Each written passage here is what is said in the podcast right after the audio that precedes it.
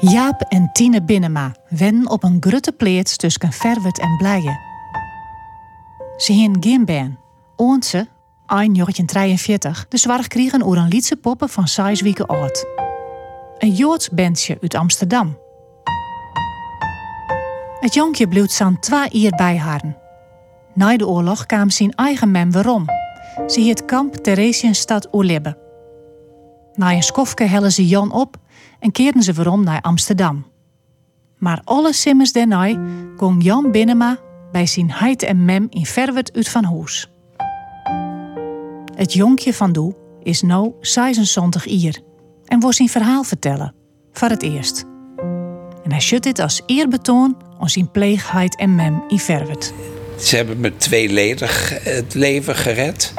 Want ik had zes weken na mijn geboorte nog hetzelfde gewicht als van mijn geboorte. En dat was misschien 3,5 pond. Of, of, of 4 pond. Dat was, nou ja, je kon het in één hand. Uh. En toen moest ik ieder uur een lepel half water, half melk. Dan hadden ze natuurlijk aan melk geen gebrek, want het was een, een, een grote boerderij. En daardoor hebben ze mij in leven gehouden. En natuurlijk de bescherming ten opzichte van de, van de Duitsers. Wij zochten hem op en hij liet daarbij de peerfoto zien die er nog had. Dit is de boerderij waar ik ondergedoken was. Een luchtfoto. En het heet Verwert de Rijp. En in het Fries Verwert de Riep. En dit zijn twee fotootjes waar ik op sta. Ene fotootje is dat ik bij de kippenren sta waar de kuikentjes in ja, opgroeiden. En hier zit ik op, op schoot bij mijn pleegvader. En mijn pleegmoeder. Ja, dat is mijn pleegmoeder. Ja? ja. Heeft u niet veel foto's van haar? Ja, ik ben een hele hoop foto's kwijt. Want ik had het aan de telefoon erover dat ik een foto had dat ik op een, op, in de tuin zit. Dat ene bij mijn pleegmoeder en de huishoudster. De een geeft een lammetje melk en op de andere kant krijg ik een flesje melk. En die foto die, die kon ik niet meer vinden. Wat jammer. Ja, helaas. Achteraf blijkt dat je toch verder niet zoveel tastbare herinneringen hebt. Mm. Ik heb nog wel, en dat heb ik niet meegenomen, uh, de eerste klompen die ik gedragen heb. Die hebben ze laten restaureren. En een, verflaagje erop, groot, met een uh, randje op de zijkant. En er is een hoekje uit. Maar het zijn zulke, zulke kleine klompen. Ja, kinderklompjes. Jan Binnema. Van dit interview broekte zijn Frieske namen, net zijn eigen namen. En hij vertelt straks ik waarom. Ik ben geboren op 16 oktober 1943. En ik dacht dat toen de meeste razzia's in Amsterdam al achter de rug waren. Uh, maar waarschijnlijk omdat mijn moeder zwanger was, kreeg ze een speciale behandeling. En ik ben geboren in het toenmalige Weesperplein ziekenhuis. Of het heette toen al het Joodse ziekenhuis. En doordat alle geboren kinderen meteen weggehaald werden, heeft mijn moeder een of andere constructie bedacht.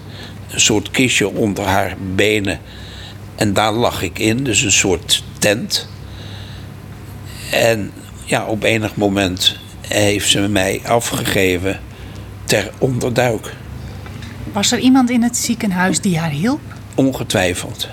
Ongetwijfeld. Maar daar weet ik verder weinig van.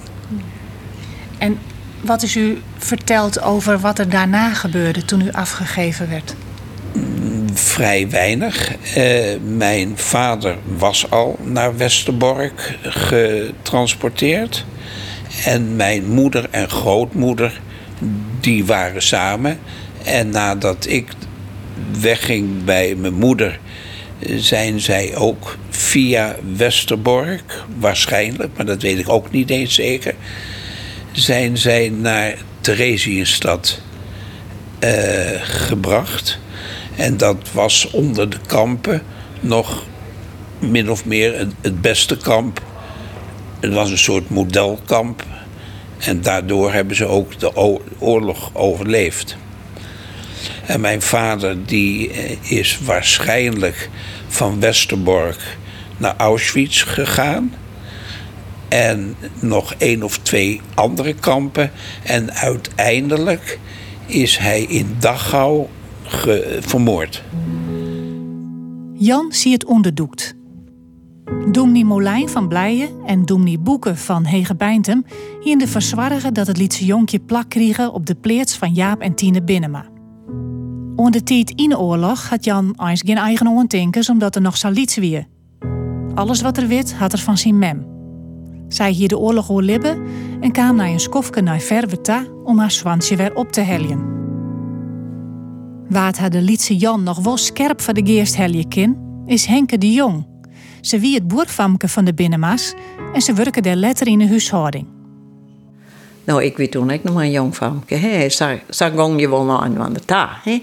Nou, dan, dan zocht nog wel de binnenmaai voor me. Een mooie binnenmaai, een mooie lichte binnenmaai. En daar lag hij in. Nou, zei hij, kijk, was maar hem in de binnenmaai reden. Ja? En dat wie dan ik vertrouwd denk, ja, ja.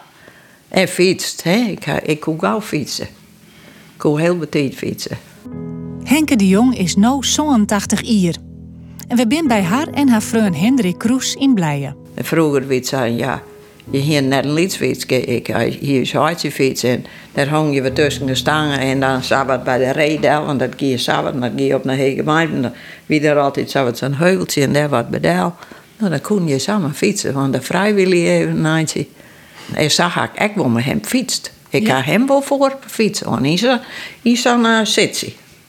En wat kun je daarvan herinneren, van die fietstochtjes? Nou, dat ik toen goed geschrokken ben dat er twee Duitsers van Blijouw kwamen en dat ik daar op een fiets ben. En toen dacht ik, oeh, dit is net best. En ik trillen zo, weet ik wel. Ik, ik zei ze aankomen, ik dacht, dit is net best. En ik zei tegen Jan, ik zei, nou, zus, zus, zus, wat is daar, wat is daar? En ik rijde op naar Hegemeint op zin. Nou, als het in de gaten gewoon hebben net. Ik ben trofiets. Ik wil lang geleden trofietsen komen. Want ik dacht, oh, dat jonkje, dat jonkje, dat net best. Je wint bang, hè. Ergens win je bang, hè. Ja. Want Jo wist wel dat het uh, ging om een uh, Joods... Uh... Ja, dat wist ik wel. Ja. Dat wist ik wel. Daar heb ik wel, wel mooi op hechten.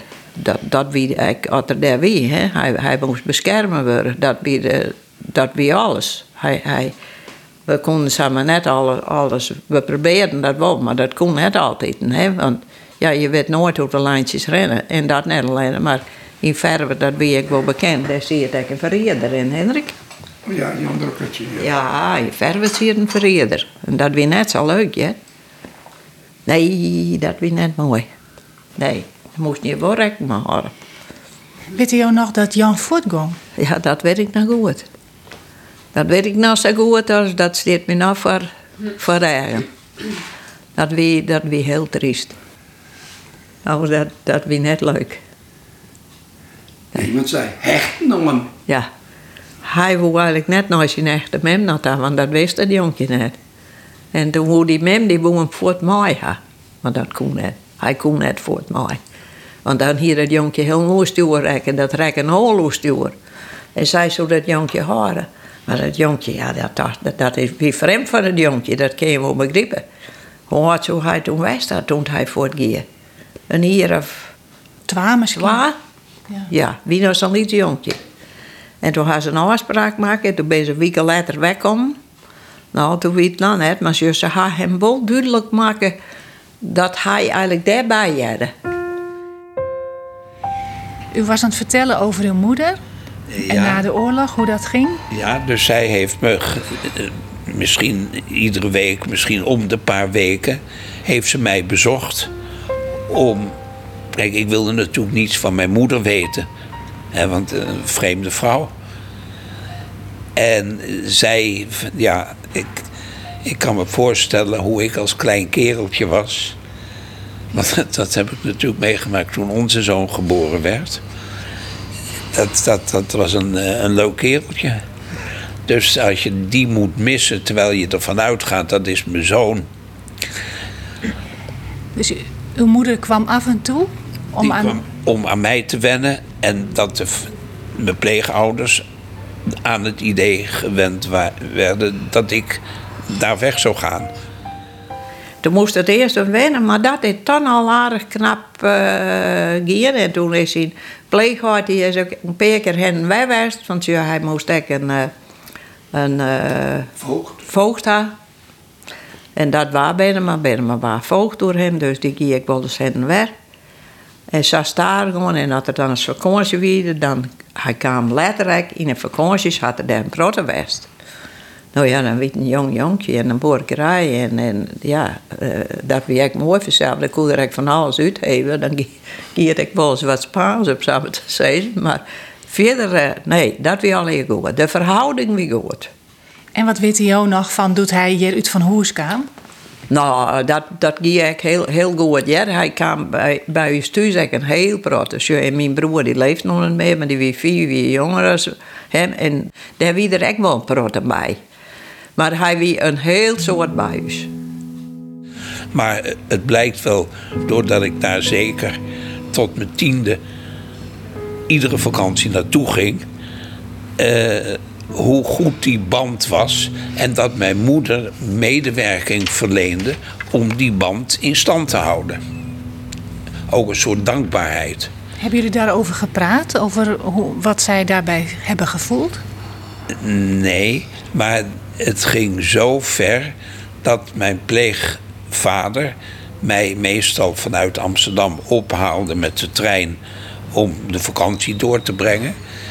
Eh, van mijn vierde tot mijn vijfde ongeveer hebben we een jaar, mijn moeder, mijn grootmoeder en ik, in Limburg gewoond.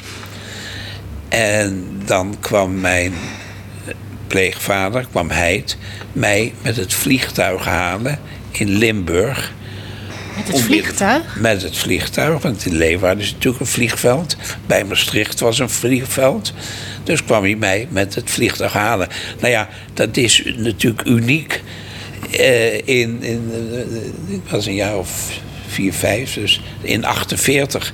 Ja, welke, wie reisde met een vliegtuig binnen Nederland? Maar ze waren bemiddeld en ze hadden de grootste boerderij uit de omgeving. En het waren herenboeren.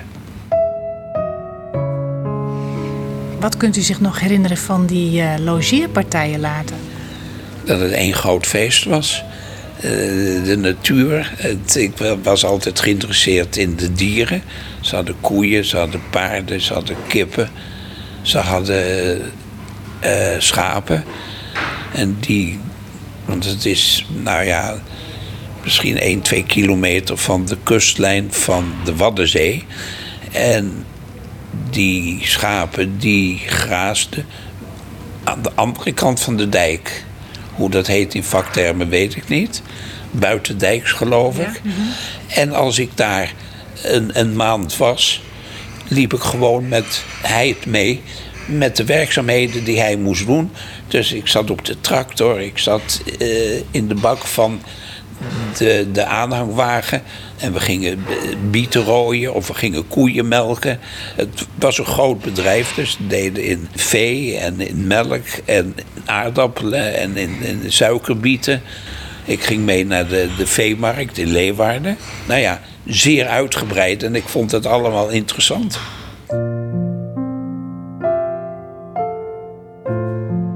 Jaap en Tine Binnenma.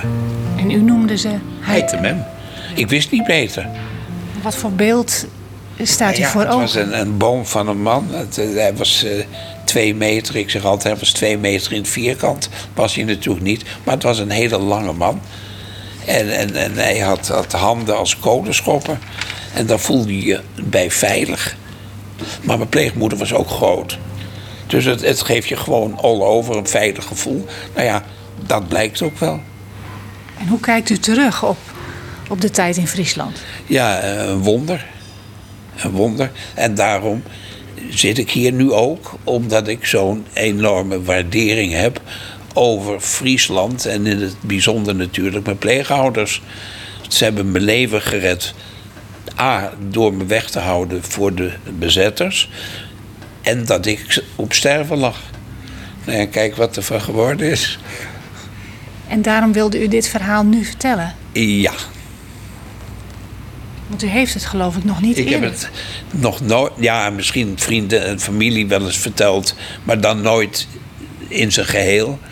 Maar dat is ook de reden waarom ik inderdaad nu hier zit. Ik heb ook spijt van, maar dat heeft ook weer met alles te maken.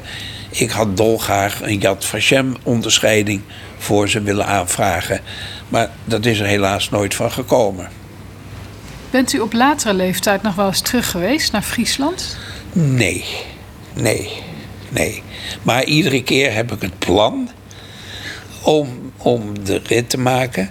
Maar mijn vrouw probeert mij zoveel mogelijk te beschermen. En die zegt: laat het, de deksel op het potje. Want misschien door mijn leeftijd ben ik de laatste tijd vrij snel geëmotioneerd. En eh, ik kan me herinneren, inmiddels 15 jaar geleden was toch ook in de RAI een bijeenkomst van het ondergedoken kind. En daar wilde ik naartoe. En mijn vrouw zei: Doe dat niet, want, nou ja, ik denk dat ze ook wel gelijk heeft. Dat er hoeft maar iets van de oorlog langs te komen op de televisie.